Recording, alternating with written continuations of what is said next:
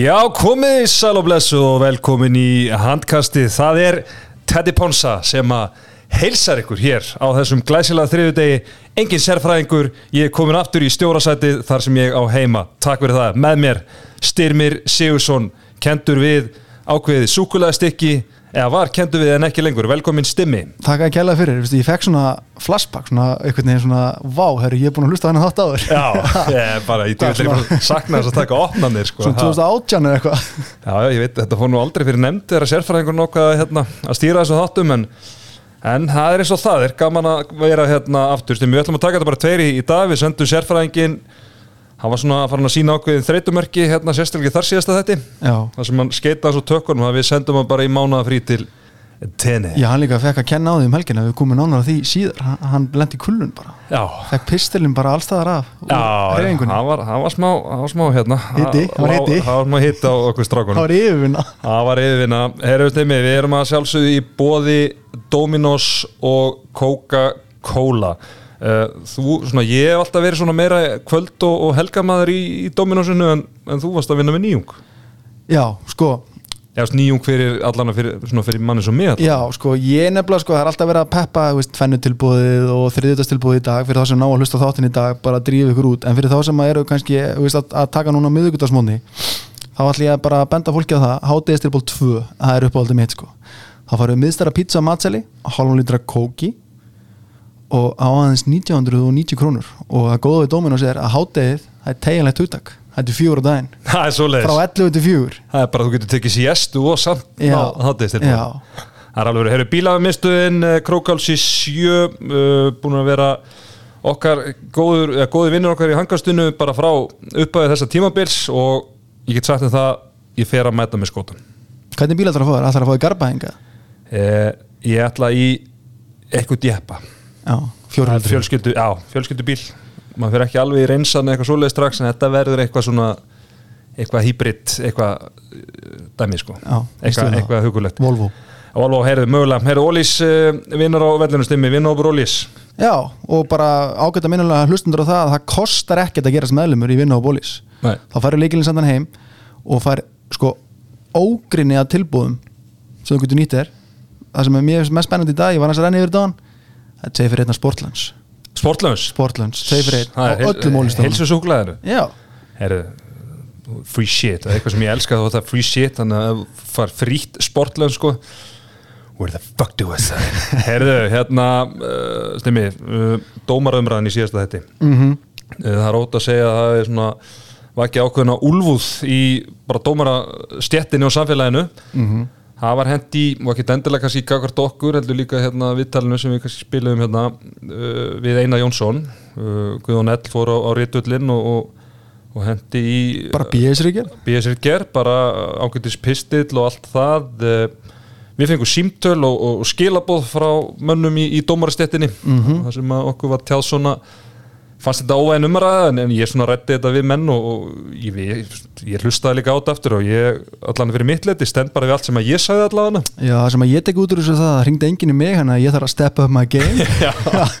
Það var enginn, ég var alltaf eitthvað passífur í þessari umræðu fannst mér. Já, já, nei, nei, en það er bara þú ert ekki að gera gott podcast nema og fáir svona allavega símtöl, eitthvað símtöl við á því sko. Neini og bara eins og Arnaldaði kom inn á Twitter setnum á lögutaskvöldinu þegar við vorum í þessari yfirvinni var það að við, við verðum aldrei reitstýrir Nei. við bara segjum hlutina eins og okkur finnst umbúða löst og, og hérna. Tandur hreitn íslensku. Já, já, já, það eru sumir sem vinna með það. Við erum að vinna með umbúða lösar ek, ek, ekkert plast og rugl.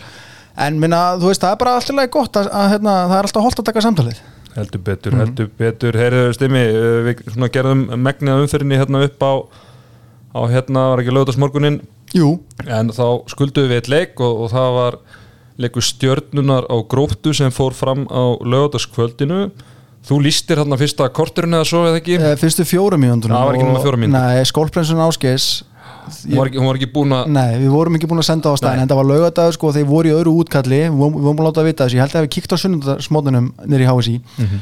þannig að það voru ennþá hnögrar og við byrjum að lýsa fyrstu fjórum mínútonum og þegar ég leit á hérna, skjáum fyrir fram með mig og var að lýsa markinu sem Herger Grímsson eitt af 13 mörgum hans úr ítakastinu í stöðinu 3-1 þá var gróta að setja fyrsta markið sitt. Já, þú minnur það, ok. Í sjónvarpinu. Og þá leit ég á Sigurðan Hafþórsson forma stjórnunar og hann gefið mig merki bara um að við skulum slaufa þessu og bara hafa þetta á mjúta því að það er einhver greiði gerður að vera með lýsingarnar. Hún er ekki fá grjónan í andlitið sko. Vel, reyðan að ég, þannig að ég fó bara fram og, og, og, og fekk mig bauk og, og settist upp í stúku. Já, það er það sem hún gerir best fóðið bauk og, og sittast upp í stúku. En eins og fyrir segi stjarnan komin á blað unnu gróttu 31 eh, 30 þar sem að Hergir Grímsson svaraði gaggrinni séröldum og var gjössalega frábær eh, með eh, hvað var þetta, 13 mörgur úr 16 skotum, það er 6 mörgur vítum. Pétur Átni átti mjög góðan leik sumu leiðis mikilvægt er stjörnuna að hann, hann sé hérna að spila vel. Og Haukur Guðmundsson lánsmaður frá afturöldingu eða ekki? Jú, með, með fjögumörk sem og Þórður Tandri uh, Adam og, Sigurður Dan bara með fína markvisli í markinu og, og gróttu megin markmennin náður alveg, náður sér ekki alveg á strik þar. Uh, eina baldur með áttavarinn og, og Shuhi Narayama með tvö.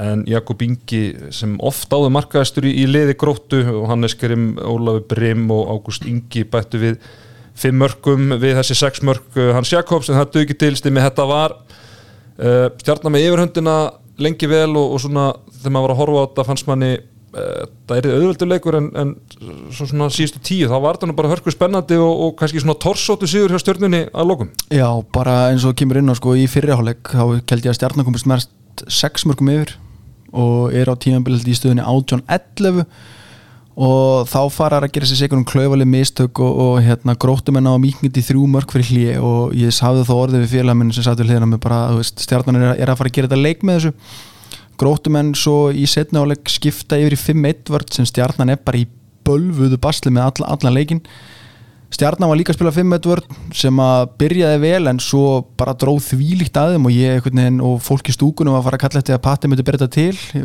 Guðni, bróður hans fósetti var nú mættur ég veit ekki hvort að hann hefði verið að kalla eftir því líka Er einhver íþróttaviðburu sem hann er ekki á? eða? Nei, við vorum þetta að hlæja þessu ég og, og umrættur formaði stjórnunar að hérna, hvernig þetta, sé að vera bílstjórn hans kannski búin að klára síðustu hérna, vaktina og bara eru ég er á leiðin heim eru, elskan, við ætlum að kíkja í mýrina og taka setni áleikin í stjórnunni grótu Já, það er ekki að býða til bíl og það er þetta geðvett jobb ha, við erum Já. reynum að horfa er- hvernig íþróttaviðburinn á fættur öðrum. Þannig að að hann var mættur og fagnaði bara eða manna mest í leikslokk en svo komum aftur að því að stjarnan held áfram að spila svo 5-1 verði allar leikin og það dró hrikalega að þeim. Hergið var náttúrulega að bera upp í þungan sóknulega líka. Jón Ásker, ungu drengur í vörustjörnuna bara hrikalega flottur en kannski basli með að standa hann í þristunum einn. Já, hann svona kannski þegar hann einn og einn á stóru svæði já, þá, þá já, já, en bara eins og því, fínt samt bara blókut það og hérna, mm -hmm. bara gott mál og hérna, gróta gera sem gróta gera best, gera þetta leik þeir eru alltaf í leik það er bara eins og segi, ég held að sé bara allir leikinn hér í vetur eru búin að vera í kringum eitt mark og, og hérna og fengu bara dauða færi í lókinn til þess að jafna leikinn 7 sekundur eftir þá er orðið heldur fámöntun á vellinum eftir flötukonsertin sem að koma aftur hún á dómaröfraðana Tandri eh, ósáttu við að finnst að vera reyfið ísi þegar hann getur gulltrista fyrir stjórnunni, fær tværmjöndu fyrir tuð. Pétur Róðni fær tværmjöndu fyrir að stöðva hraða sók sem ég held að erði vít og raugt ég var alveg vissum og ég veit ekki alveg ennþá en ég ætla að fara að vallega í að tólka dómarreglunar Já, góðan- þig, Já, ég hitti góðan mann í stúkunni sem var alveg með þetta að það sem hann var ekki að ræna og upplöðu margtæki fyrir þetta væri bara réttu dómur og ég bara ætla að treysta því. Gróttum með að fá sömu leiðist tværmyndu fyrir mótmálan þetta var orðið heldur fámyndanir undir restina en þeir fá dauðafæri. Og hérna, hver, hver var það sem fór í gegn áttur? Var hann hérna Uh, var það Ágúst, nei hver var það? Æ, ég maður ekki Þú ert með þetta alveg stóluð um mjög Ari Pétur fyrir Ari er já. bara flott færi og bara því miður fyrir hann og það er bara stöngin út í dag sko. það er fínt skot bara aðeins svo mikið og Hann á bara skor úr þessu. Heldur betur. Já, en Siggi Dan bara lokaði vel og bara kemur inn á horrættu mómenti fyrir stjórnuna í þessu leik og hérna vil ég meina hafi bara svolítið kannski skopið hennar sigur fyrir stjórnuna með þessum fjóru eða fimm verðu boltu sem hann er með 40 okkar brúst vöslu held ég og, og hérna bara ver þau færi sem að hérna, koma á hann hérna, undir restina og bara tryggir þetta og bara því líku léttir, maður fann eða bara í mýrinni hvað öllum stjórnumunum var létt að vera konur á blað. Já, það verið ríkalegt að vera hérna með núlsti eftir, eftir þrjá leiki. Það hefði bara verið hefði sko. ekki já. það við sem að búast við einhverjum stórun hlutum frá stjórnunni í vetur og en, svo sem, svo sem erfið leiki fyrstu tveir auðvitað. Já, en þetta var bara must win fyrir þá. Og bara gróttu grílan sem er búin að vera þeim síðustu ár bara fínt að ná að losa sig við hana heldur betur þeir eru að fara í mjög áhugaverða leik í næstu umferð sem við förum betur yfir á eftir en uh, já, þannig að þetta þýðir það að, að stjarnan og, og gróta er bæði með tvö stíð í þarna pakka, við getum talað um það, er búin að þrjára umferðir en, en þau eru þarna hvað er þetta, fjúlið með 8. til 11. sæti með tvö stíg er það stimmi, við skulum þá bara henda okkur í umferðina sem er framöndan og, og spá hans í spilið þar og, og Simin Pay leikurinn uh, Gróta IPVaf sjónvarsleikurinn á, sjónvarpi Símans. Áhugaveru leikur, þetta er svona þessi umferð ég svona rúlaðans yfir þetta þetta er uh, svona við getum orðað þannig matchup í þessari umferð er svona frekar ójæmt eila í öllum já, er Gæt, þú gætir sko farið, farið inn á eh, hérna einhverja góða síðu og hendi góða seðil með, meir, meir um það síðar. já, með, fimm, með fimm straight vinn og, og var, hérna, þú ert að er lesa ég að lesa þú, þú ert að lesa hvert við erum að fara Já, í, í, í lok þáttar, meir um það síðar. Þetta eru búin að þekkjast í 30 ár eða, eða svo. Erum við stimmi gróta IBF uh, sko náttúrulega sérfræðingur að hafa með grótu þá pakkaðan IBF saman Mhm. fyrir, fyrir tveim ára síðan en og þreytist ekki að tala um það? það reytist ekki að tala um það. Uh, sko IBF þeir eiga að fara upp á nesi og vinna frekar auðvölda sigur já og bara líkt og við rættum á lögadaginn er að þessi lið sem fá IBVF eftir þessa sketu í víkinni þeim er engin greiði gerði núna sko. IBVF þóttir hafið stíð búin að spila eitt leik frá þessu tapum mútið vikinga mútið haugum heima þá held ég að þeir séu að úst, það er auðvitað mjög létt að mótivera sig núna gegn lagarliðum í deildinni að úst, lendi ekki í þessu aftur að Já, svo stutt frá Ég, ég, ég, já, já, já, ég er að segja það, að það er bara nóg fyrir Magga og Róló bara að minna drengin á hvað gerðist í síðasta útileik í bænum. Ég myndi, Og- bara, ég myndi bara spila þetta í rútinu á leiðinni í bæinn. Já, þannig var vikingsleikin bara, þetta er, svona, er þetta ekki svona sirka hérna rútuförun frá landegarhöfni í bæinn Það- Jú, ef við, ef við kannski horfum á hálfleikin líka sem er alltaf að rúla sko, Ég- er þannig að þá, já, þá eru þau góði sko, þannig að ég hugsa að veri ekkert mál fyrir og ég reikna bara með að, að Elmar Ellingsson allt í sleikmaði hann halda áfram að fara kostum en að drengurinn er komið með hvað 25 mörg í, í deildinni?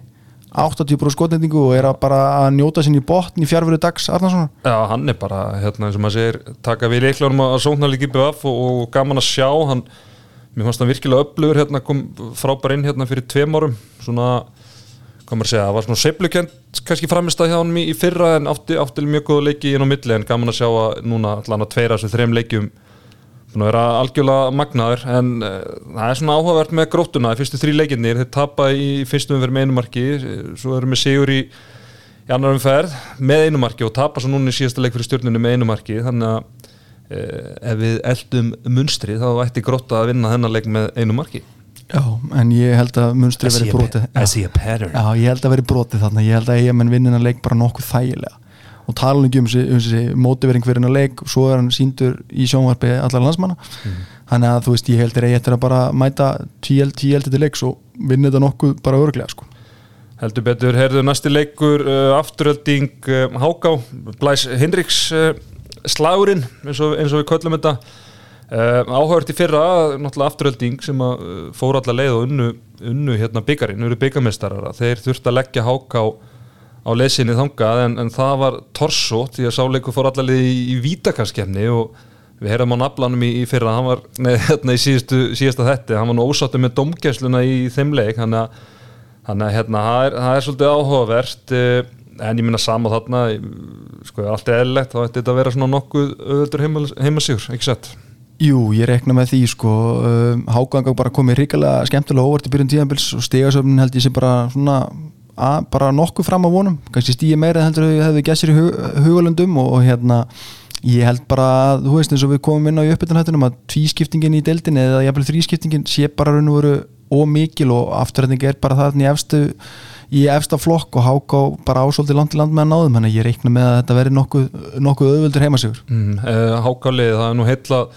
svona allana í, í einhverjum af þessu leikjum sínum þessi svona áhugaverða framlengjandi, ég kalli þetta svona passífa 3-2-1 vörd, þetta er svona 3-2-1 þeir eru eiginlega sko, þeir eru nánast fyrir innan punktalínu einhvern veginn. Uh, þú veist geta, svona þetta er samt svona þannig hýbrit að þeir geta svona stíð ofar og, við veitum það að afturöldingi er þetta er skittuleg og þetta eru sér strákarinn í háka þeir eru góðir maður og mann leikminni svo Hjörtur og Pálmi og, og fleiri, ég meina Kristján Otto sem er leiðis, gætu við séð þetta rosalega hérna skittuleg mósveld líka að lenda í einhverju basli með, með þessa framlengjandi vörð klálega og, en, en ég reikna með því að, að Gunni Max ég jafnvel búin að heyra í sérfræðingurum út til spánar og, og sjá hvernig það myndi vinna til 7 og 6 ég er nokkuð við sem að sérfræðingur muni stilla innan á leika því ég held að hann er mjög spenntu fyrir því að sjá afturhendingu eins og þið gera mútið F á að fara í 7 og 6 7 og 5 jafnvel stundum.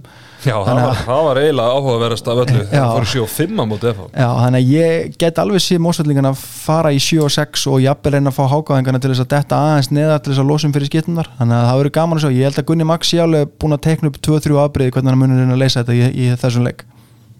Heldur betur, herðu, uh, vindum okkur í krika þar sem að feð fram leikur FH og Selfoss uh, ekki, það eru sko, það er ekkit mjög mörg ár síðan að við sáum þessi lið eiga bara hvern sko stórkostlega leikinn og fætur öðrum. Við gleymum hérna úslita, undanúslita enviðinu bæði, hvað var ekki 2018, það sem að FH vinnur í oddaleik var það ekki?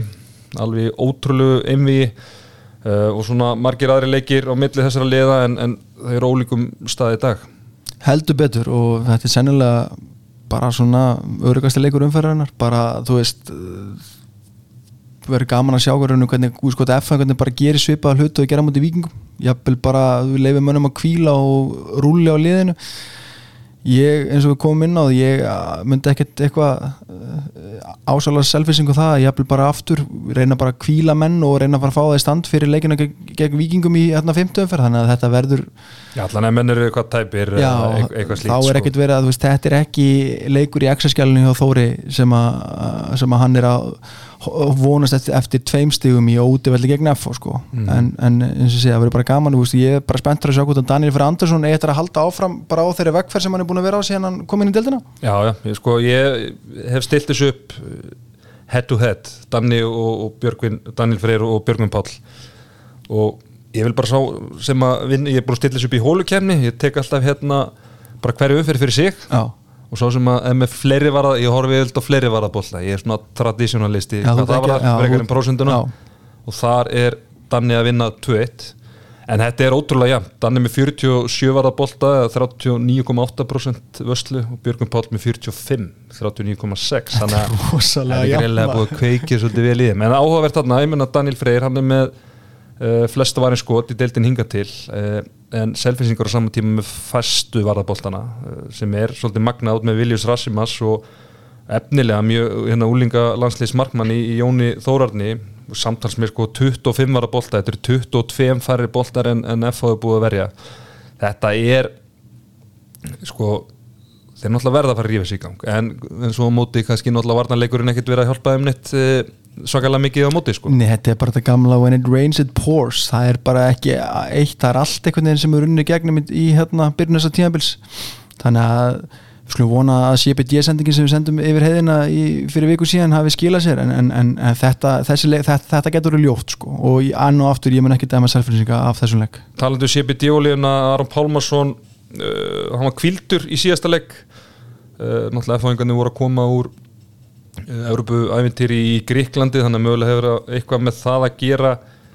Ég meina hann lítur að spila þennan leik ég veist, maður er ekki að kvíla ykkur tvær, þrjá vikur sko. Kvíla, fyrir hvað segir nú bara. Já, já, en alltaf verður ekki bara í svona þægilegri róteringu það verður svona þægilegu recovery leiku fyrir hann skilur þú veist, það verður að spila sér saman við félagann við erum ekki að fara, fara svo 60 mjöndur ánum annars sko. Nei, en þetta er samt svona þetta er, þú veist, menn þurfa aðeins að passa sig líka fall ekki þá einhvern veginn bara já, við getum kvíltan í þessu leik og þá ertu kannski bara komið með þrjár vikur eða eitthvað sem að maður er ekki búin að spila Já, já. sko. Þarf líka halda svona ákveðnu rytma og það getur líka bara verið hérna veist, eh, auki líkur á meðslum með að menn Já, spila, já, spila lítið eru- sko. ef þeir eru að hlýfa sér þá menn á oft talað um það, ef að menn eru að hlýfa sér þá er oft hægt á því að, þið meiðist. En það er spurning hvort að hann hafi skellt sér í fitnessport eftir, eftir síðasta leik og ná sér í eitthvað gott til þess að kera sér í gangi Já, ég meina CBD Oljan hann er, er að vera gamall og hann þarf bara mikið segja allan hann, hann getur bara fengið, kannski selfinsingarnir mæti bara með part af því sem við sendum til þeirra um daginn og, og, og látið Aron fá fyrir leik CBD oljan fæst í fitness og bara sko annað sem hún gerir gott, sem ég get tala frá eigin reynslu og minga kvíða. Já. það er bara rosa gott sko á þessum síðustu og vestu akkurat framistuðu kvíði eða hvað sem það nú er. Akkurat, heyrðu, förstaskvöldið það er eh, sko, einhverjum myndi segja El Clasico en allan á svona alvöru reykja eitthvað slagur Valur fram. Eh, sem í breytinu á val hún hefur verið til umræða hjá fólki. Já já og frábær breytt, þetta er svona, er svona jöfn breytt, við rættum þetta hérna Já. ég og Arnar Dæði tókum smá rimmu hérna í fyrsta þættinum. Uh, sko, það sem er mér svona, eftir að hafa svona skoða þetta betur og hugsa þetta hún er jafnari kannski breyttin en hún hefur verið ofta áður. Já ég, það, veist, það er svona auðvitað er náttúrulega frábæra leikmenn farnir út og góðu leikmenn sem voru eftir en þess að segja droppið að fara að skipta um hægri skiptu eða vinstri hotnamann eitthvað sem ekki eins mikið og það var í fyrra. Þannig að ég skil hvað átt að koma með þetta þar og ég er nokkurn veginn sammálaði með það skilur að þetta er bara orðið svona jafnari 16 manna hópur sem kemur inn og, og, og hérna það er, þú veist, framarar bara búin að vera skilur svona sína sér alla hliðar í þessum í, hérna, í þessum fyrstu þrejum umförum besti leikurinn var í síðasta leik gegn afturrætningu þar sem að þeir hérna tapa. Þannig að þú veist, ég býst bara við virkilega erfiðum bara leik fyrir framara hérna á, á föstaskvöldi menn að valsarar eru búin að líta bara hrikalega vel út í byrjun tíðanbils og bara, þú veist, shame on us fyrir að hafa kannski sofið svona svakalega þegar við vorum að taka upp þetta hérna í, í haust. Heldur betur uh, Tryggvi Garðar er hann sjálfsög að mæta sinu gömlu félögum uh, svona einhver umtalasti leikmaður uh, síðasta tímabils og, og það kannski ekki endilega fyrir framistuðu sína framgöngu inn á vellinum en uh, mikil umræðum hann auðvitað eins og, eins og alþjóð mann eftir uh, þar sem við köllum hérna í handkastunum eftir að hann myndi spila meira og það var bara einhverjum opinbyrjum ritt deilum og alveg ótrúlegu stormur sem myndast út úr því. Uh, hann ákveður að fara í fram þar sem hann fara að spila meira og náttúrulega er klálega í miklu starra hlutverkið þar en hann var í val og hef- hefði líklega verið í val. Verður hann í einhverjum revenge mót þarna eða hvað er að fara að sjá? var pappasmónuleikin Já, ég hugsa að honum sé mikið í mun bara eins og ungun dreng, ungun kapsumum dreng bara sæmir að, að sína sig og sanna. Veist, ef ég set sjálfa mig í þessi spór þú veist, einhvern veginn að vilja koma minn gamla heimavöll og sína öllum af hverju þið voru að missa, þú veist, þá þá get ég alveg sé fyrir mér að hann eftir að púðra tíu plúsinum á marki í þessum leik Já, sko. ég heldur, að, sko, ef eitthvað er öðrugt í þessum heimi þá er að Tryggvi Garðar að fara að taka 10 pluss skot. Já, þannig að þú veist, svo er bara spurning hver þetta endar. Menna, og það er einn heit, heitasti markmaðurinn í deildinni eða fyrir aftan hann að varnamúr hjá Val. Já, getur mögulega að fengi Silvudrengjan okkar í Pettersson á móti sér þannig að það verður ærið verkefni fyrir hann. Já, það er alveg vesen að þurfa að koma boltanum fram hjá þeim tveim Já, sko. það já, er sko. eiginlega kannski full, full mikið það er henni Já, góða. já, já. En sjáum til, það verið mjög hort að sjá framistuðu hans í, í þessum leik. Uh, talandum markverðastöðu, Lárus Helgi uh, annar maður sem að við höfum rætt hérna mikið, uh, hann kemur bara beint inn í byrjunarliði í síðasta leik hjá frömmurum. Uh, hvað sér þar, heldur að hann byrji á, á föstudaginn? Já, ef við tökum miða framistöðu hans í síðasta leik þá dregur aðeins á hann undir restina. Menna, hann er 36 ára eins og við báðir. Þannig að kannski og ekki búin að fá að spila mikið og veit ég hvernig undirbúinustíðanbili hefur verið eftir þessa tilraun til riftunar. Þannig að þú veist, já, ég menna fyrstu 40 myndun í síðasta leik þrjú var einn víti þá sé ég ekki hann að Lalli byrji í þessum stór slag sko. Mm Heldur betur, kannski áhvert líka talandum uppáhaldsorðið okkar sögulínur að e, í fyrra eh, það valsli sem að náttúrulega byrja þetta tímabil að þvílikum krafti og svona voru hálf ósegrandi að, að framma fyrsta liði til, a, til að vinna á í fyrra Já, ég man að það var að koma í, þú veist, þetta var svona í byrjun á svona fyrstu gífulega massífu lótinu sem að, sem að valsara voru að taka, það var Ísafjörur líka inn í þessu held ég eitthvað, og þú veist, þeir voru bara á ferð og flý út um all land og, og þess, þessum leik var raun og veru, hann færður úr tíundu umferði yfir í þá fjórðu eða eitthvað til þess að létt undir hérna hjá þeim setna mér, hann að ég reikna ekki með svipara niðurstöðu fyrir það í þessum leik allavega, en hérna og mér finnst framarar er einhvern veginn aðeins svona meira hyggstur aðeins svona að finna svona fjölina sína með Rúna Kárasson hann það komin inn og Tryggva Garða vinstra megin hann að það er svona vanta kannski aðeins mér fannst þeir í betri rithma þegar þeir mættu vali fyrra. Og, af, og samanskapin náttúrulega þá finnst mér valið bara að vera í hrikalega góðu rithma í ár menna spilum við selfisingarna í síðasta leik þannig að það komist mjög öðvöld í gegnum það verkefni þannig að þeir ætta að vera útkvildir í þetta. Já, já, svo vakti aðtegli mína, aðtegli mína stimmi að hérna, Valur Hambolti á Twitter eh, svona er að peppa leikinn og, og, og líka leikinn hjá hérna kvennaliðin á móti Ír og þar er talað um að reyðasti þjálfari landsins Einar Jónsson mæti til leiks. Já, ég ætla ekki að hann, mótmála því. er hann reyðasti eftir viðtalið, dómara Já, viðtalið hann um var, reyndar, hann var reyndar mjög slagur í því viðtali Já. en svona, hann var reyður í orðum en, en, en svona helt að rósin já, já og hérna, komið marga á að vera punta og meiris að tók hluta sökin á sig þannig að það verður gaman að sjá hvort að hann ætli að gera eins og ég bentunum á í síðasta þetti að láta þetta byrja með sjálfum sér og mæti kannski bara poll slagur á hliðalinu þessu leik en ég hugsa bara að dómarnir eru sjokki ef það myndi gerast sko. Já, heldur Ha. betur Heldur betur, þetta verður áhugaverður uh, leikur uh, síðasta leikurinn Nei, ekki síðasta leikurinn heldur næst síðasta leikurinn á föstudaginn Víkingur Haukar uh, Víkingarnir mæta núna hafnafjara liðanum í núna tvissar eða tóleiki röð eftir að hafa unnið hennan ótrúlega sigur á IPVF í annari umferð. Uh, þetta er með aðstóða þjálfaramál Hauka. Er eitthvað nýtt að frétta þar? Við rættum í síðasta þetta að uh, Haukarnir væru að leita nýjum aðstóðaþjálfara Já, það eru, það eru vendingar Eru þar. vendingar? það eru vendingar þar og, og, og enn og aftur þú veist er, að- þegar fólk kemur í stólinn sko, þetta er sennilega auðvöldasta leiðin til að koma ykkur í handkasti er að kíkja í stólinn til mín. Og ég er að heyra það að Íþróttastöru Hauka hefur sennilega tekið fund í Bahrein með þjálfara U21 landslisins hjá Bahrein, Mm. Maxim Akbarchev mm. og ég er að heyra það að hann sé á leiðinni á ásvelli að aðstóða ásker Það er svoleiðis. Já, þannig að það er spurning hvort það hefur verið tekið rjúkandi heitu bolli hérna í miðausturlöndunum.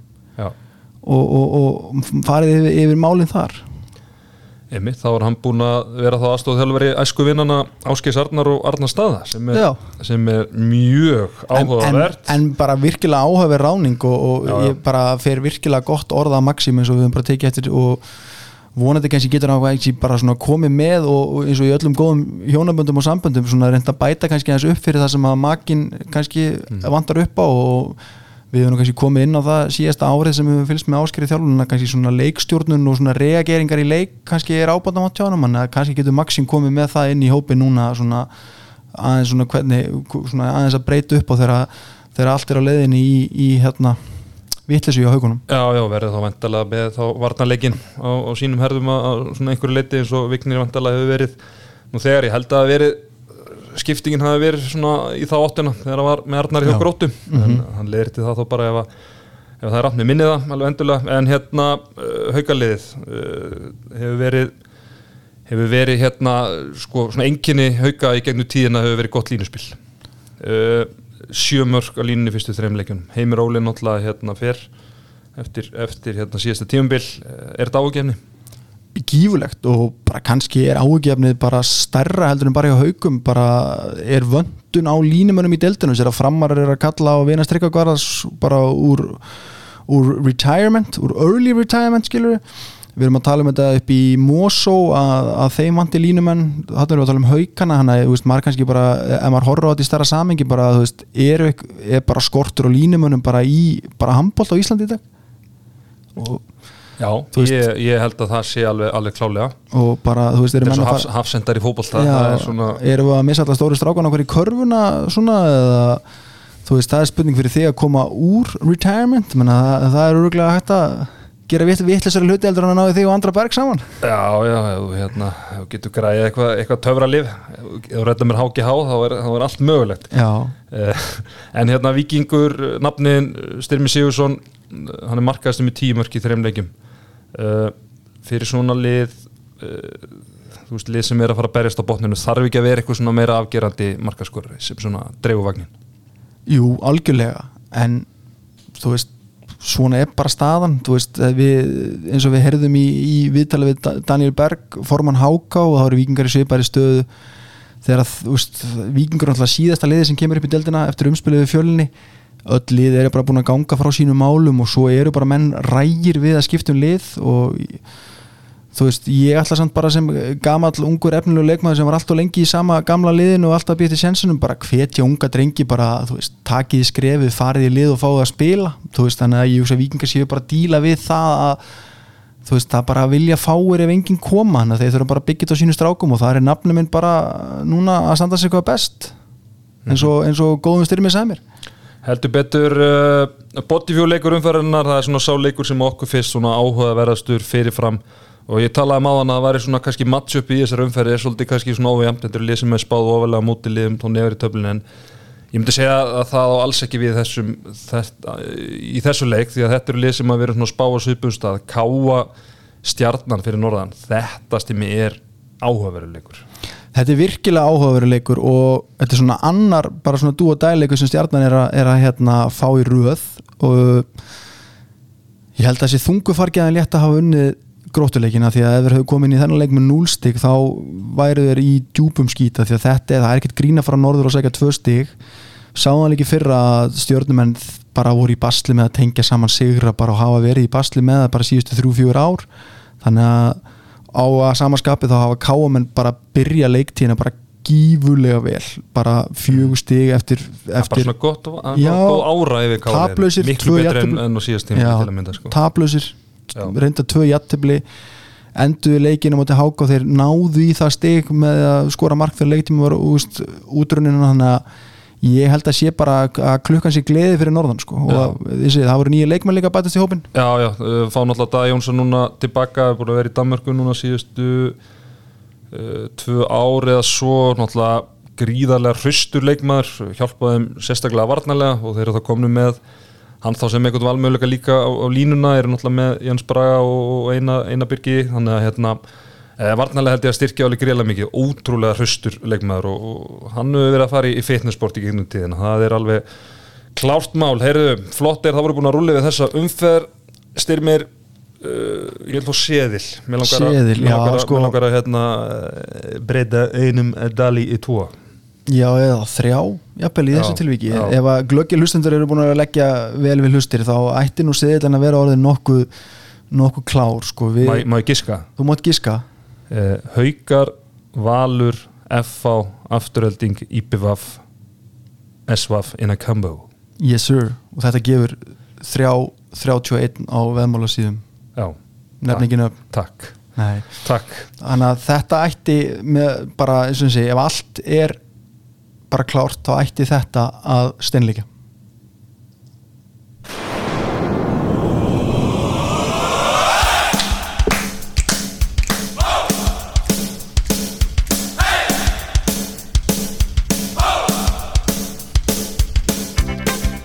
Já, já, já, já, já, við ætlum að fara Erlendis. Íslendingar Erlendis, hvað eru strákanur okkar búin að vera að gera? Og þetta er að sjálfsögði bóði Ríni endurskoðunar Baker Tilly. Það er nóg að gera hjá okkur strákanum á Ríni þess að dana getur sett í stimmi minn. Það er e, skilafrestu fyrir ásveitning á framtöl núna næstu helgi þannig að það eru langir dagar langir dagar en, heldur betur. En strákarnar okkar elendis, herðu farið yfir þetta. byrjum með í Þískalandi þar átti Ómar Ingi fína leik, skoraði fimm mörg og þrjú viti þegar að Magdeburg gerði jattefli við Rúna Seitriks og félaga í Leipzig 27-27 Magdeburg svona verið aðeins að hyggsta sérstaklega í mestaröldinni með að fara á stað? Við áttum fleiri leikmenn hann sem voru þann Janus Stað, hann skoraði eitt mark fyrir Magdeburg Viggo Kristjánsson ég var að hafa ágjör honum fyrir svona tveimingu síðan að hann var í einhverju baráttu við eitthvað Sorry, ég grípi þarna, það er svona smá bras á auðvitað, eitthvað meðslið og eitthvað en þeir eru búin að skilja jættefli við Leipzig og búin að tapa báðan leikinu með meistardildinni, það er svona þú verður að fá gísla inn og það er fljótt. Já, við, og við sumu leiðist þurfum að fá gísla inn menna erum við ekki kappið við tímanum að fá hann inn bara fyrir, fyrir Ég- janúar en Ég held að það verði, held að hann kemur inn í svona loka oktober, byrja nóvember held ég. Svona vonandi, þannig að þá ætti hann alveg að hann talaði þannig að hann þurfi allan að ná svona mánuði kannski í ritma ef hann á að fara á, á hérna þetta er búið að vera, en þetta er náttúrulega búið að vera bara þvílíkt öskubusku ævindir samt hjá Magdeburg síðustu 2-3 árin, hann er kannski ekkert skrítið að kannski, þú veist, klúpur sem er búin að vera svona upp og niður síðustu ár, sé kannski svona aðeins að taka svona third season syndrome núna, þú veist, náttúrulega endur þetta rosalegu hægi hérna í, í vor með að vinna Final Four, sem að fáir áttu vonu held ég. Akkurat En svo við komum aftur að því, þá skoraði Viggo hérna 6 mörg fyrir Leipzig og gaf einni 6 stóðsendingar í þessu leik og ég var að hafa ágjör að því fyrir hérna, hvað, tveimur vikun síðan að hann var í einhverju baráttu við, við ungan þjóðveri hérna, sem var farin að stela á hann mínúndum og okkur veitum ekkert af að ha- hafa hann í sem besta standinu og svo var það svonuð þjálfarans, Andri Már Rúnarsson sem skoraði 2 mörg og gaf 2 stóðsendingar en hann er bara að koma skemmtilega inn í, í deild þeirra allra bestu myndi ég segja, eftir að hafa bara klára tíðanbilið virkilega vel á síðasta tíðanbili uh, síðan er náttúrulega ekkert lát á síðugöngu Melsungen. Þeir eru að vinna sinn sjötta leik og um helgina la- voru það Lemko sem láði valum 28-25 og Melsungen er efst í deildinni á samt Fussi Berlín sem er bara ríkalega vel gert þar í þessum leik var Elvarad Jónsson markaðistur okkar manna með sjö mörg og en Arnar Freyr komst ekki að blaða með hann markaskorara. Og sko þetta Var- hann var, Örn hann var eitthvað spatni ekki hann Arnar Freyr? Jú, og sko til hafa ekki með það. Já. en Elvar Örn hann er búin að vera hrikalega öflug menna, hvað, með sex- Sóknarlega? já, sjö, sjö, átta mörg á móti kílum daginn, sjö ég þarna að ég held að vera með nýjum múti kíl er, kukkaði það. kukin, er, þetta eitthvað sem Snorri verður að skoða hann er alltaf ekki í grín samkefnan í landsleinu reyndar sko, en úst, Nei, við verðum að geta nýtt okkur þetta eitthvað til að fækka varnarskiptingu Akkurat, sérstaklega í byrjuleikja það sem þú vilt svolítið keira, tempo upp og, og svona Guðmundur Guðmundsson vildi nota elvar í, í þessari stöður, nota hann sóknarlega til að byrja með svona fyrstu, fyrsta kortir í leikjum en Já. hann bara var ekki alveg að, valda því en, en var mikilvæg varnarlega þannig að við vorum alltaf í auka skipningu þannig að, geta allan að fækka þetta nýri eina skipningu svona fyrstu, fyrsta kortir eða svo sko, það væri náttúrulega alveg ótrúlega öflugt Já. herðu, fleiri Arnón Snær Óskarsson skoraði eitt mark fyrir Rænakur Löfi þegar að liðið vann Bergisjér Gamla að sjá að hann na, er að komast á blaða allavega Já, menna, þetta verðist alveg vera í háspennuleik 31-29 sigur, menn hann, er að fá mínútur þó að ekki þessar klassísku ruslmínútur. Og við áttum annan leikmann þarna og vanda var Ímir Örd sem var í hjarta vandarinnar hjá Rænekulöfi ég fann ekkert um hvort hann hafi- fengið tvær mínútur en ég ætla svo bara að gefa með það. Já, ha, tvís og tvær Pottitt Herðu, svo Otto Gretas skoraði eitt mark og Daniel Þór Ingvarsson líki vörninni þegar lið þeirra balingen uh, skýt Otto Gretarsson, þetta er einhver lang þetta er, þetta er svona Ragnar Óskarsson í, í, bara, bara, bara, í Þýskalandi, Raggi var í Fraklandi er segja, bara, bara fer ungur út og er bara úti og er svona einhvern veginn litlu hlutverk í landsliðinu en er bara núti, hann er bara úti í sko, 10-12 árið eitthvað ég meira, hann er bara orðin hálfu þjóðveri eiginlega, sko. þetta er bara hrikalegt svona. 90 mótil held ég. Já, hann, er- hann er búin að, já, bara búin að vera þarna heil lengi, en eins og sé, lið þeirra balingen reyði ekki feitum hesti gegn efstalið deildarinn að fúsi Berlín og töpuðu með 11 marka mun. Svo eru við með fleiri í Þýskalandi, nú ætlum við að fara deild neðar. Já, þar skoraði Tumi Steinn eitt mark og gaf fimm stóðsendinga þegar Kóburg Kóburg vann Dormingen, maður stuði eftir Bæja Dormingen var ekki Robby Sigvarts og eitthvað í Bæja Dormingen Jú, er glópa. Coburg, þetta var held að Ísak Rapsson fór á reynslu þarna fyrir, fyrir einhverjum 7-8 ára síðan manni í nástæðan fyrir ég hef hirt þetta nafn. Og Kóburg er, eru með, er, eru með fjögustig að loknum fjórum leikjum. Þannig að 50% siglutvall Mhm. svo erum við með Íslandika tríu hjá Minden það er nú bara svona gamalt stórlið eða svona allan var alveg þokkalega sterkir í búndisleikunni fyrir nokkrum ára síðan. En það er aðalstegn Egilson að þjálfa og, og er með tvo Íslandinga með sér í lið þá Bjarnar Ófe og, og Svein Jóhansson og þeir skoruðu báðið þrjúmor hver þegar að liðið tapaði á heimavelli fyrir Ham Vestfalen 29-28 og þeir eru einungis með eitt sigur í sínu fyrstu fjórun leikjum. Þannig að spurningu sem var að hitt undir alla mínum gamla þjálfara.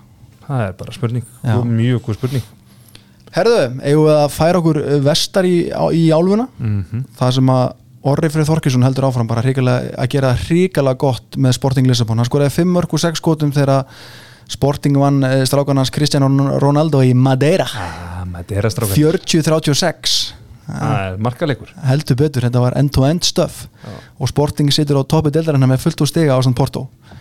Og kollegi hans í vinstra hóttinu Steven Topar Valencia, hann er ennþá glímaði meðsli og hérna var ekki með liði sínu Benfica um helgina, en þeir sitt í þriðasæti með nýju stiga á 12 mögulegum hann þetta er svona þryggja hesta hlaupan í Portugal millið þessara stórvelda Porto, Sporting og Benfica. Já, þetta er bara svo fótboltanum. Já, herðu nú leiði ykkur leiðin okkar norður á búin það er til Norex Þetta er rosalegur, hérna, þetta er svona Euro, Eurotrip. Já, heldur betur. Mjög steikt ferðalag sem við förum Ég myndi það ekki endi Skandinavi en, en látum það líka mútið hluta. Herðu, þar skoraði Sigvaldi Björn Guðjónsson stórvirinu handskassins tvö mörg fyrir Kolstad bæð og vítaskonu þegar það steinlá í heimsók til Rúnar. Og þetta er verða að teljast virkilega óvænt tíðindi þar sem að Kolstad er núna búin að tapa hvað, þeir eru búin að tapa þremu stigum í fyrstu fimm leikin tímabilsins og meðan þið töpuðu tveimu stigum bara í allt tímabilið fyrra? Heldur betur náttúrulega hérna missa einhverja leikmenn og svona en það er náttúrulega ótrúlegt að Það er þetta fyndu Sandi Sagosen. lið með, Sandi Sagosen skuli vera í, í þessari stöðu en það er oft svona, skilur við að, að þegar að lið lendi í svona áföllum bara svona fjárhagslegum hérna þú veist, svona, það hefur bara áhrif og smittar inn í, inn í hópin þannig að það getur gert það að þetta er áhugavert. Já og svo hérna komið frétti núna bara í fyrradagum að það væri að vera orðan sigvalda við Stórli Kíl á meðan á sama tíma að vera orðan norska landsamanni Kristján Björnsen hérna, við Kolstad eftir tímanbilið það er nú eitthvað búið að draga úr þessum sögursóknum uh, Rasmus Boysen uh, svona handbólta guðin á Twitter uh, bara sagði að þetta væri uh, fake news. Fake news. En ég er nefnilega ætlað að koma inn á þetta í síðasta þætti og ég er mjög feina að hann sagði fake news við þessu að því ég fór að velta þessu fyrir mér og glemdi bara að koma inn á það því að hann var að tala um að hann er eini útlendingurinn Mhm. í þessu liði yep. það er, virðist alveg vera svona þú veist, stefninga félagin að vera keirit á heimamönnum, hann að ég var svona að hugsa þú veist, ætli hann eigi stutt eftir hann þú veist, það er ekki au, augljóslega bara að vera búið til eitthvað svona mín í nost, landslið. Já, ég meina Kristján Björnsson það er þá, myndi þá koma inn Já, hann að ég, þó að þessar kannski kílsögusagnir er ekki að fá byrjundi báða vangi núna þá myndi ég alveg fylgjast náðu með í framtíðin ég, reikna með segvalda í nýju liði á, á næsta tíðanbili Mhm. Herru, fleiri drengir að gera það fínt í Nóri Dagur Gautarsson skoraði fimmörk þar að eitt og vítaskasti þegar Arendal vann Kristjansand með tíu marka mun.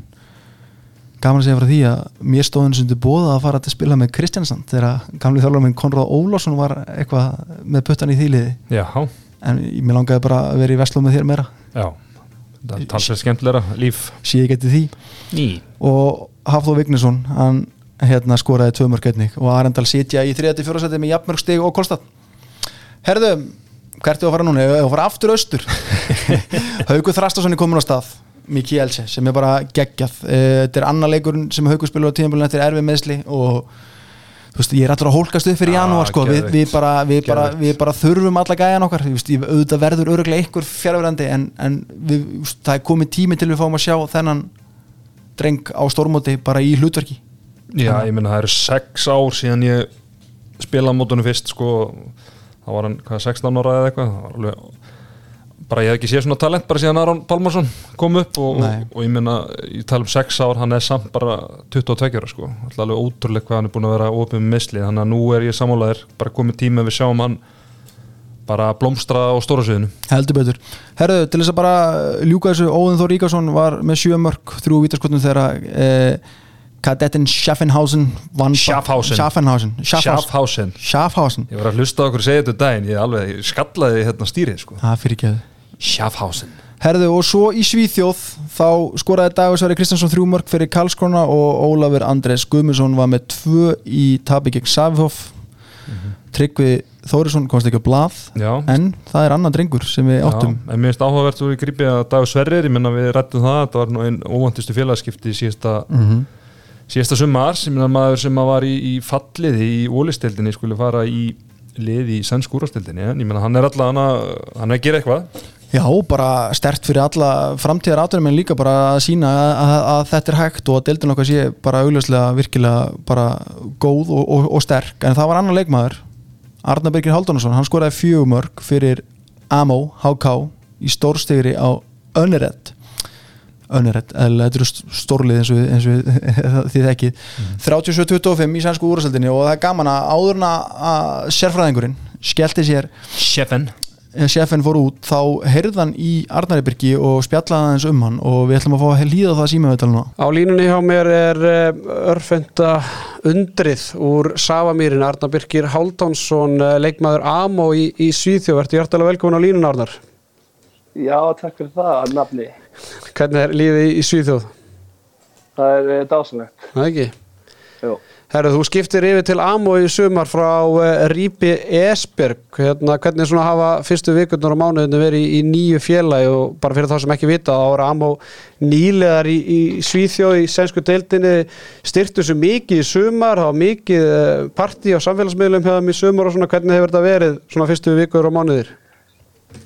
Það er bara verið sumar og sól í Svíþjóð og bara mikla æfingar og já, bara góð tími. Já. Og við erum búin að, það eru sjö nýju leikmenn og eins og það er nýjir leikmenn sem margir þá það tekur tíma að púsla þessu saman og það er búin að ganga bara mjög vel sko. Og erum svona næstum því búin að klára púslið. Mm Þið er alltaf vinnið þarna Karlskróna í fyrstu umferðinni, ég sá það á netinu að það var bara nánast uppselt á fyrsta leik og þvílík stemming, hvernig var svona að spila þann leik? Já, þetta var bara eins og maður var að spila í byggarúslutum í lögansöllinni heima í den. Já, ok, Það var alveg, alvöru stemming já, og líka gaman því að þetta var, út- við var þetta útilegur en samt var helling á okkar fólki að það. Mhm. Þannig að þetta var bara mjög gaman, mikil stemming, maður var alveg hel inn í sólinu í þessu leik. já. Ég veit, maður svona, just, ég hef aðeins fylgst með, með þessu liði núna síðasta árið að því að uh, þjálfari liðsins, uh, Andreas Stockenberg, hann er gríðalega virkur á Twitter og ég hvet hlustundu til að fylgja honum á, á hérna, Twitter og hvað heitir þetta sportmannin sem er Emil Berggren eða ekki? Jú, passar. Já, ég mæli með að hlustundur fylgi þeim á Twitter því að þeir eru virkilega fjöruðir og, og Andreas Stockenberg, hann minnir mig svolítið á sjálf á mig, veist, hann lætur allt flakka á Twitter, Get, getur þú tekið undir það? Jú, ég get tekið undir það, alveg 100%. En ég held að þú þekkir hann betur á Twitter heldur en ég. Já, ok, En já, ég held að það sé alveg réttlega. Hann er, hann, eh, eins og ég gerir stundum í lífinu, tala á hann hugsa, sko. Hann gerir það á Twitter. láttu mig þekkja það. En hvað hérna eins og ég sagði, þeir eru nýlega í deildinni en eru samt sem áður spáð fínu gengi. Eru mikla væntingar til liðsins og, og finnur fyrir svona miklum áhuga í kringum lið? Og nefni það að það voru margir stuðnismenn sem að eldu ykkur í útileiki fyrstu umferð. Finnur fyrir miklum áhuga á þessu liði sem að, að er að búa til? Já, en sko, eins og þetta lið, þetta er úr pínvildum bæ, við heldum sér eitthvað 1500 manns í búa hérna. Og það eru bara 80% sem er, bara eru bara, bara þvílíkir stuðnismenn. Þannig að það er mikill áhugi í þessu litla bæ fyrir þessu fyrir þessu sísoni. Er þetta svona eins og bara eitthvað vestmann eða er eitthvað svona tindastólsæventir í körfinu eitthvað svona, það er bara, þú veist, það er allt bæjarfélagar að fylgjast með Já, er það, er það þannig, allt bæðið er bara er supportive og maður finnur það alveg bara maður er í búðinni og, og, og pizzastarum hérna og það eru, já, það var mikil gleði eftir fyrsta leikin sem við unnum. Mm hvað, hérna, í hvað hlutverki ertu hjá liðin? Ertu bara skipta nummer eitt eða? Uh, eins og segi, ég hef bara búin að spila eitt leik, al- að einn deildaleik Mhm. og þar var ég spilaði mikið og við erum tveir sem erum að deila skipstöðun og, og við, það verður bara hvað sem er, það verður bara Kom í ljós Já, nei, það verður bara svona, ég, hvað sem er, hjálpa mér, ég leita einhver orðið hérna. Uh, Bara samkefni samkeppni, mikið samkeppni millir hans og mín, ég veitur, og svo er ég nummer tvö í hotninu. Við erum bara með og svo er ég nummer tvö í hotninu. Ok, þú náttúrulega, ef við ræðum kannski aðeins tíman að rýpið Esberg, þá náttúrulega kannski þú spilaðir ekkert rosalega mikið með þeim er það ekki rétt hjá mér? Það er. Og Voru það vombrið eða var það bara svona vitað mál þegar þú gegst í ræðið rýpið Esberg að, að, að spiltímin er, er þið kannski á skornu skamti? Þetta var að vombrið, maður vill alltaf spila handbólta, það sem maður í þessu. Já, En uh, ég átti að vera back, ég átti að vera svona hybrid spilar í Esberg. Að uh, hérna, leysa á hotn og skiptu. En uh, ég gerði eiginlega bara hvort aðeins, sko. Þannig að það var, það var mikil vombriði. já, akkurat. Uh, Hvernig svona líst þér á, á, á sænsku deildina? Eða miðar hana kannski við þá dönsku og, og svo kannski þú veist sænsku við íslensku deildina? Kannski svolítið langt sem þú spilar í íslensku deildina en eða eða miðar hana bara við dönsku deildina? Sænsku og dönsku. Já, Ég, eins og segi, ég er búin að spila eitt leik, ég get ekki svarað þessu. nei. Þú verður ekkert vera, það var engin æfingarleikir eða, eða byggjarleikir Jú, við erum líka búin að spila byggarleiki, en aðalega liðið liðið með lagari deildum. Já, En þú veist, að, ég, veit ekki, ég, veit, ég veit ekki hvað að segja við sko. Ekki, er ekki danska deildin bara betri? Segja, segja með það ekki? Jú, er ekki svona allavega fleiri atvinnumannlið, er ekki flest liðin í dönsku Jú. deildin atvinnumannlið og meðan sænsku liðin eru kannski meira svona Hel, hel, eitthvað. Já. Ég veit ekki, er örgulega topp.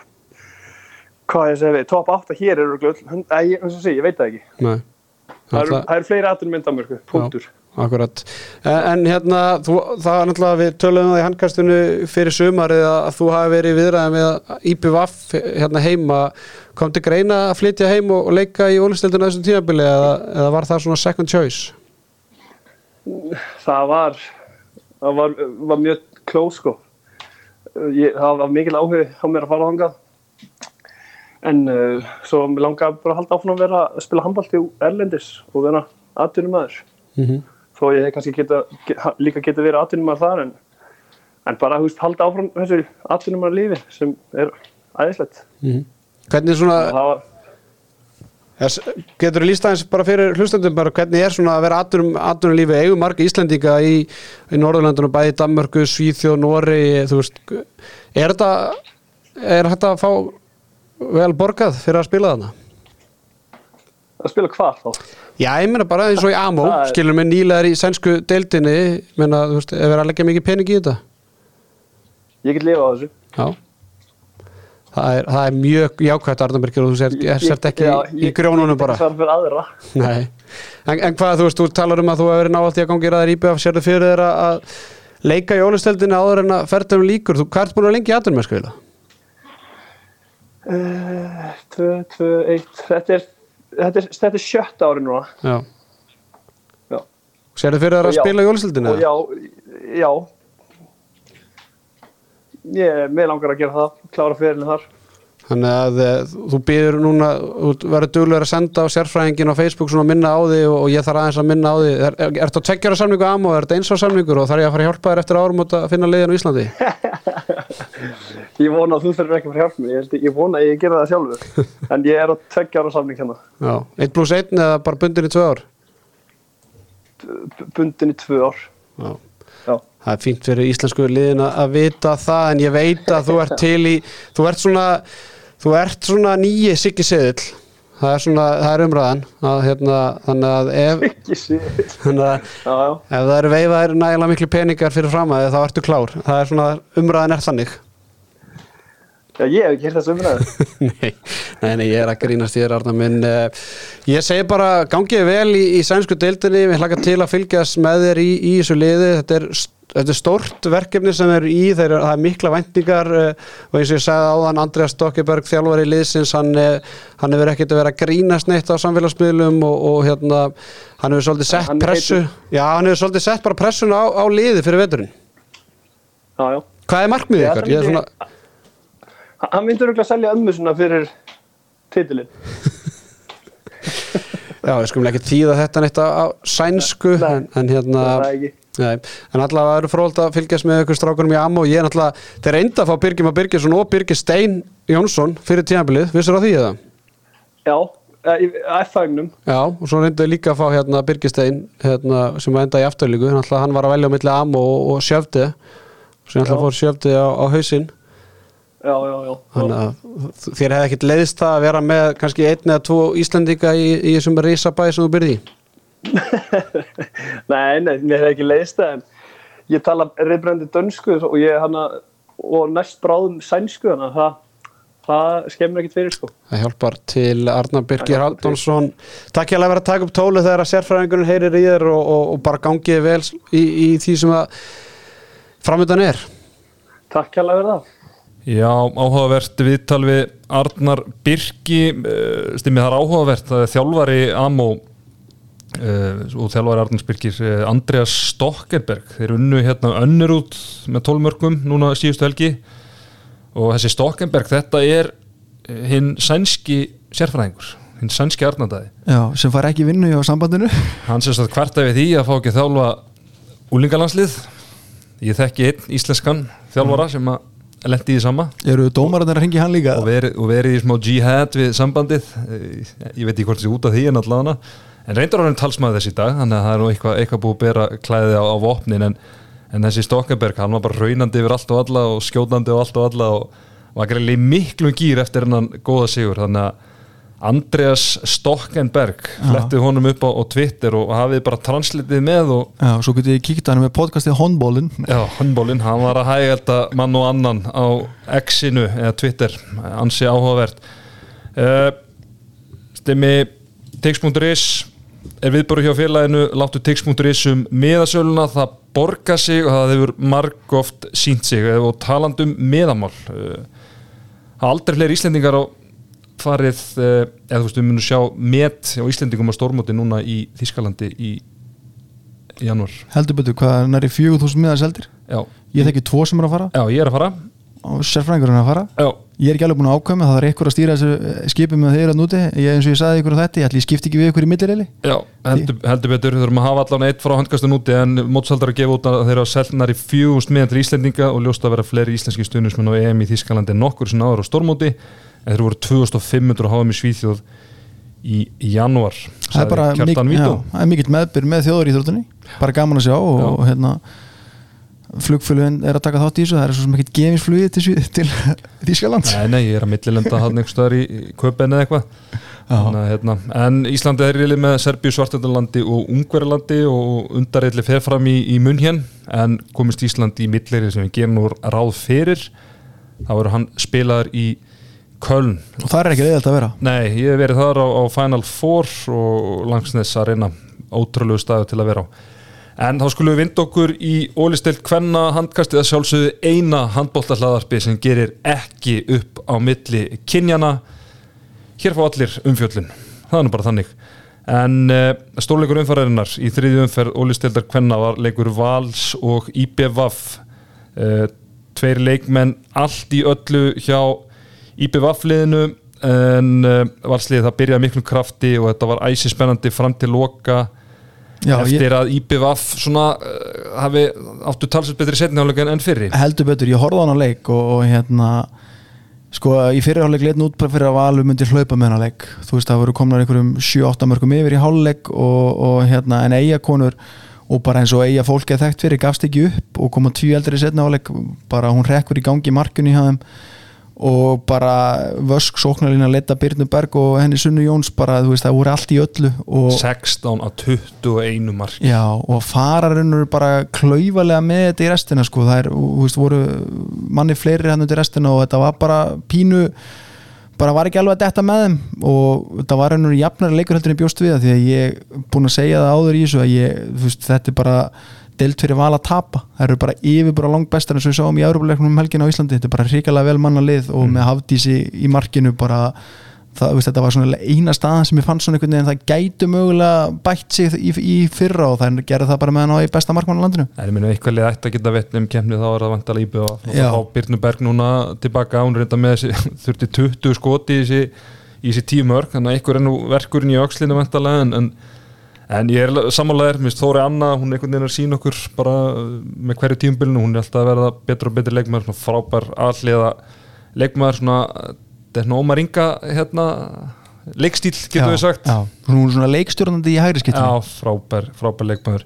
Uh, Haukar vinna þryggjamarkas sigur á afturheldingu, uh, fín framistæði hjá nýliðum afturheldingar, litu Haukan heldur betur það var fyrir þessu sigri. Já, þetta er samt kom, þetta er uh, sigurinn er aðeins minni heldur en svona tölugi á raun fyrir svona, okay. haugarnir slökuð aðeins á undir restina en þú veist, afturræðing bara búin að koma hrikalega vel til leiks í þessu tímanbili, þú veist, þú náttúrulega er að fljúa hérna, sínu besta leikmanni heim úr skóla í Danmarku í, í, í, hérna, hverja einustu umferð. Það er, það er, dedication. Já, það er virkilega mikil metnaður í því og en það sáu það vantaði hana í gær í leikegn IBF sem var frestað og, mm. og, og það bara var á stór beiti fyrir þær og, og, og menna, El, Elin Klara og Haugunum hún heldur bara áfram þessum frávar horfið í fyrra. Bara, Þú veist hverju bróðurinnar? Uh, það er Orri. Og pappin? Uh, Þorkell. Þorkell Magnússon.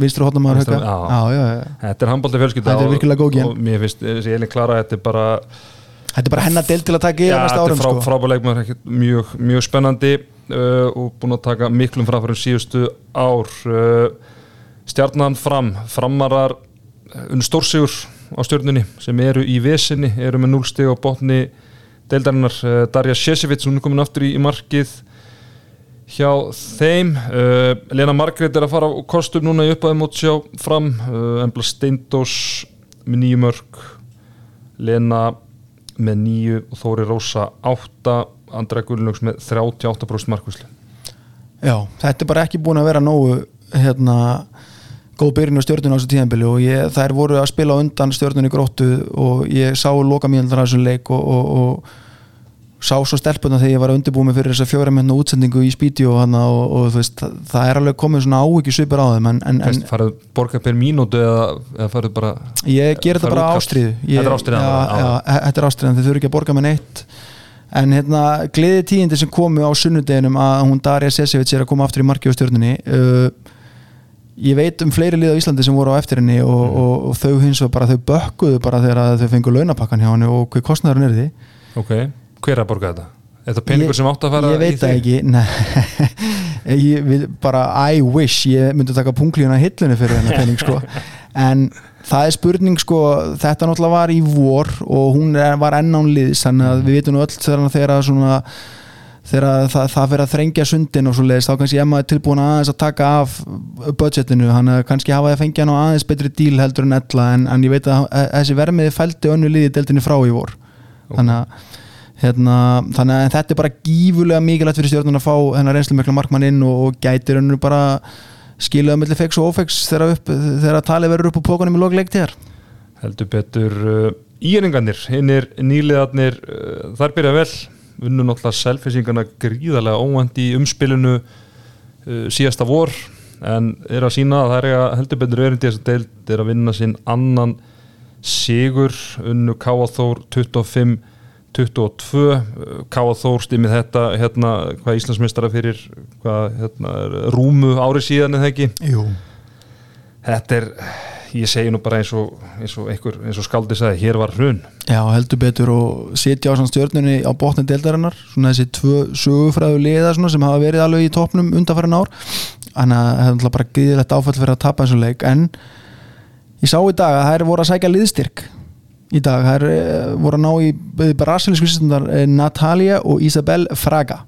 Og það sem að greip mig í þessu var að hún Natalia hún er hún getur spilað allar stöður fyrir utan nema línu af því hún er jafnend e, Já, hún kastar jafn með hægri og vinstri. Sko hún, hún, sko hún sko ká, Káa hefur nú heldur betur hérna, reynslu að því, mást ekki eftir hérna Andreas Stelmogas jú, jú, ég spilaði með einu manni í stjórnunni David Kikelia Já, sem að var rétt hendur upplægi en var hægri hotnamar hjá okkur, ríkalega upplugur svo bara skipta menn á milli bara, Já, þannig að það verður virkilega gaman að fylgjast með Natalia, þú veist að því ég las sko hún getur spilað að miðju, hægur og vinstri getur svo getur hún list hotnin líka ef þess þarf Já. en sýsterinnar er ekki eins fjölhaf allan að, að þessu leiti og hún spilar sem skitta, eða vinstri skitta á miðjumar og notar einungis hægri hendina Já, það er ansi gott uh, stimmir staðan í deildinu valsmenn eða valskonur efstar með, með fullt hús íbjöða fram og ír og haukar með fjögustig afturling 2 og stjarnan og Káaþór sem fyrir segir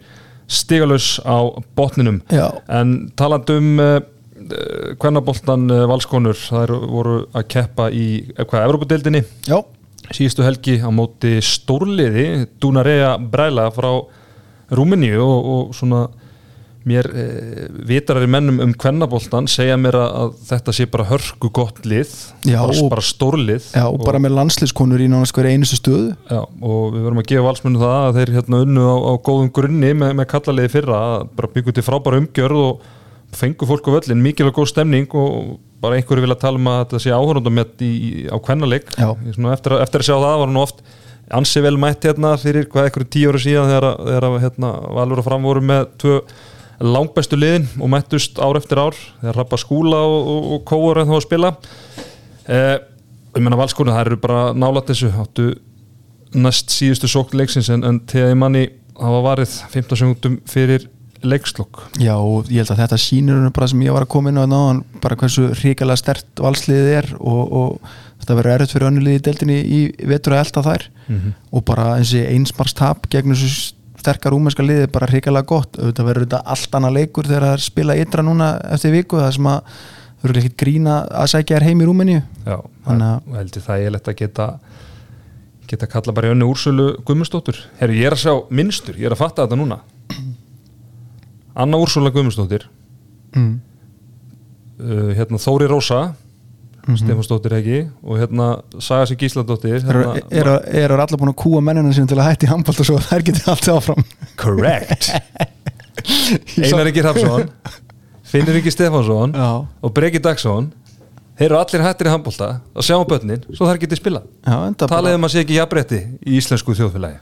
Takk strákar fyrir að leiða okkur að Það leiði okkur að sjá þær sprikla. Já. En þetta er, mér finnst það fallegt og bara tíman að tákn, það er ekki, ekki nokkuð spurning. En stimmum við, við skulum uh, ekkert hafa þetta lengra að sinni Ég held að þetta sé bara ágætt í byli Já, ég held að hefur okkur bara Við höfum leist þetta ágætlega bara tveir en, nógu að taka sjálfsög eins og alltaf í þessum blessaða handbolta.